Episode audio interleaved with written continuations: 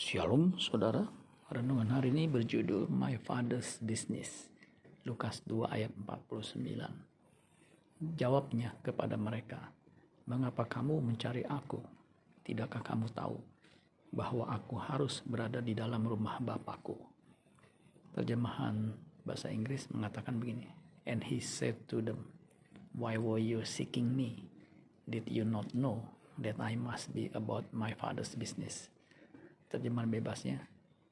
Dan dia berkata kepada mereka, Mengapa kamu mencari aku? Apakah kamu tidak tahu bahwa aku harus mengerjakan bisnis Bapakku?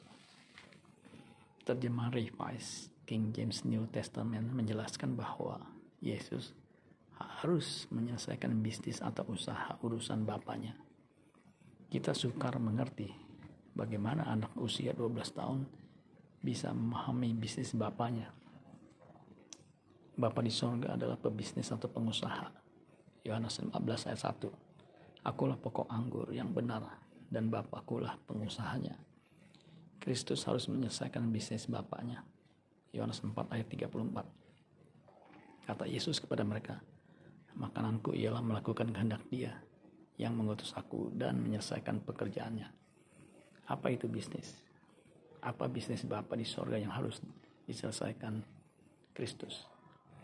Ada seorang mendefinisikan bisnis dengan sangat gamblang. Bisnis adalah menyelesaikan masalah orang lain.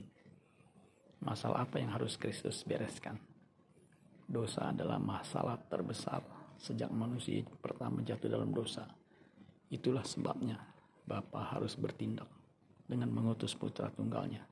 Yohanes 3 ayat 16. Karena begitu besar kasih Allah akan dunia ini, sehingga ia telah mengaruniakan anaknya yang tunggal, supaya setiap orang yang percaya kepadanya tidak binasa, melainkan beroleh hidup yang kekal. Dosa hanya bisa diselesaikan dengan penebusan Kristus. Roma 6 ayat 23. Sebab upah dosa ialah maut, tetapi karunia Allah ialah hidup kekal. Hidup yang kekal dalam Kristus Yesus Tuhan kita. Roma 3 ayat 23 sampai 26.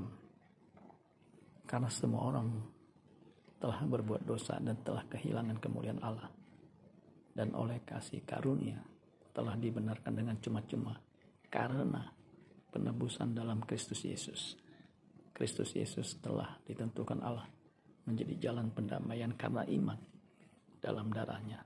Hal ini dibuatnya untuk menunjukkan keadilannya karena ia telah membiarkan dosa-dosa yang telah terjadi dahulu pada masa kesabarannya. Maksudnya ialah untuk menunjukkan keadilannya pada masa ini supaya nyata bahwa ia benar dan juga membenarkan orang-orang yang percaya kepada Yesus. Kita beruntung berurusan dengan Kristus karena kita yang percaya kepadanya akan dikembalikan kepada rancangan Allah semula, yaitu menjadi manusia yang segambar dan serupa dengan dia, sehingga bisa mengerti kehendaknya untuk kita lakukan. Amin buat firman Tuhan. Tuhan Yesus memberkati. Sola Gracia.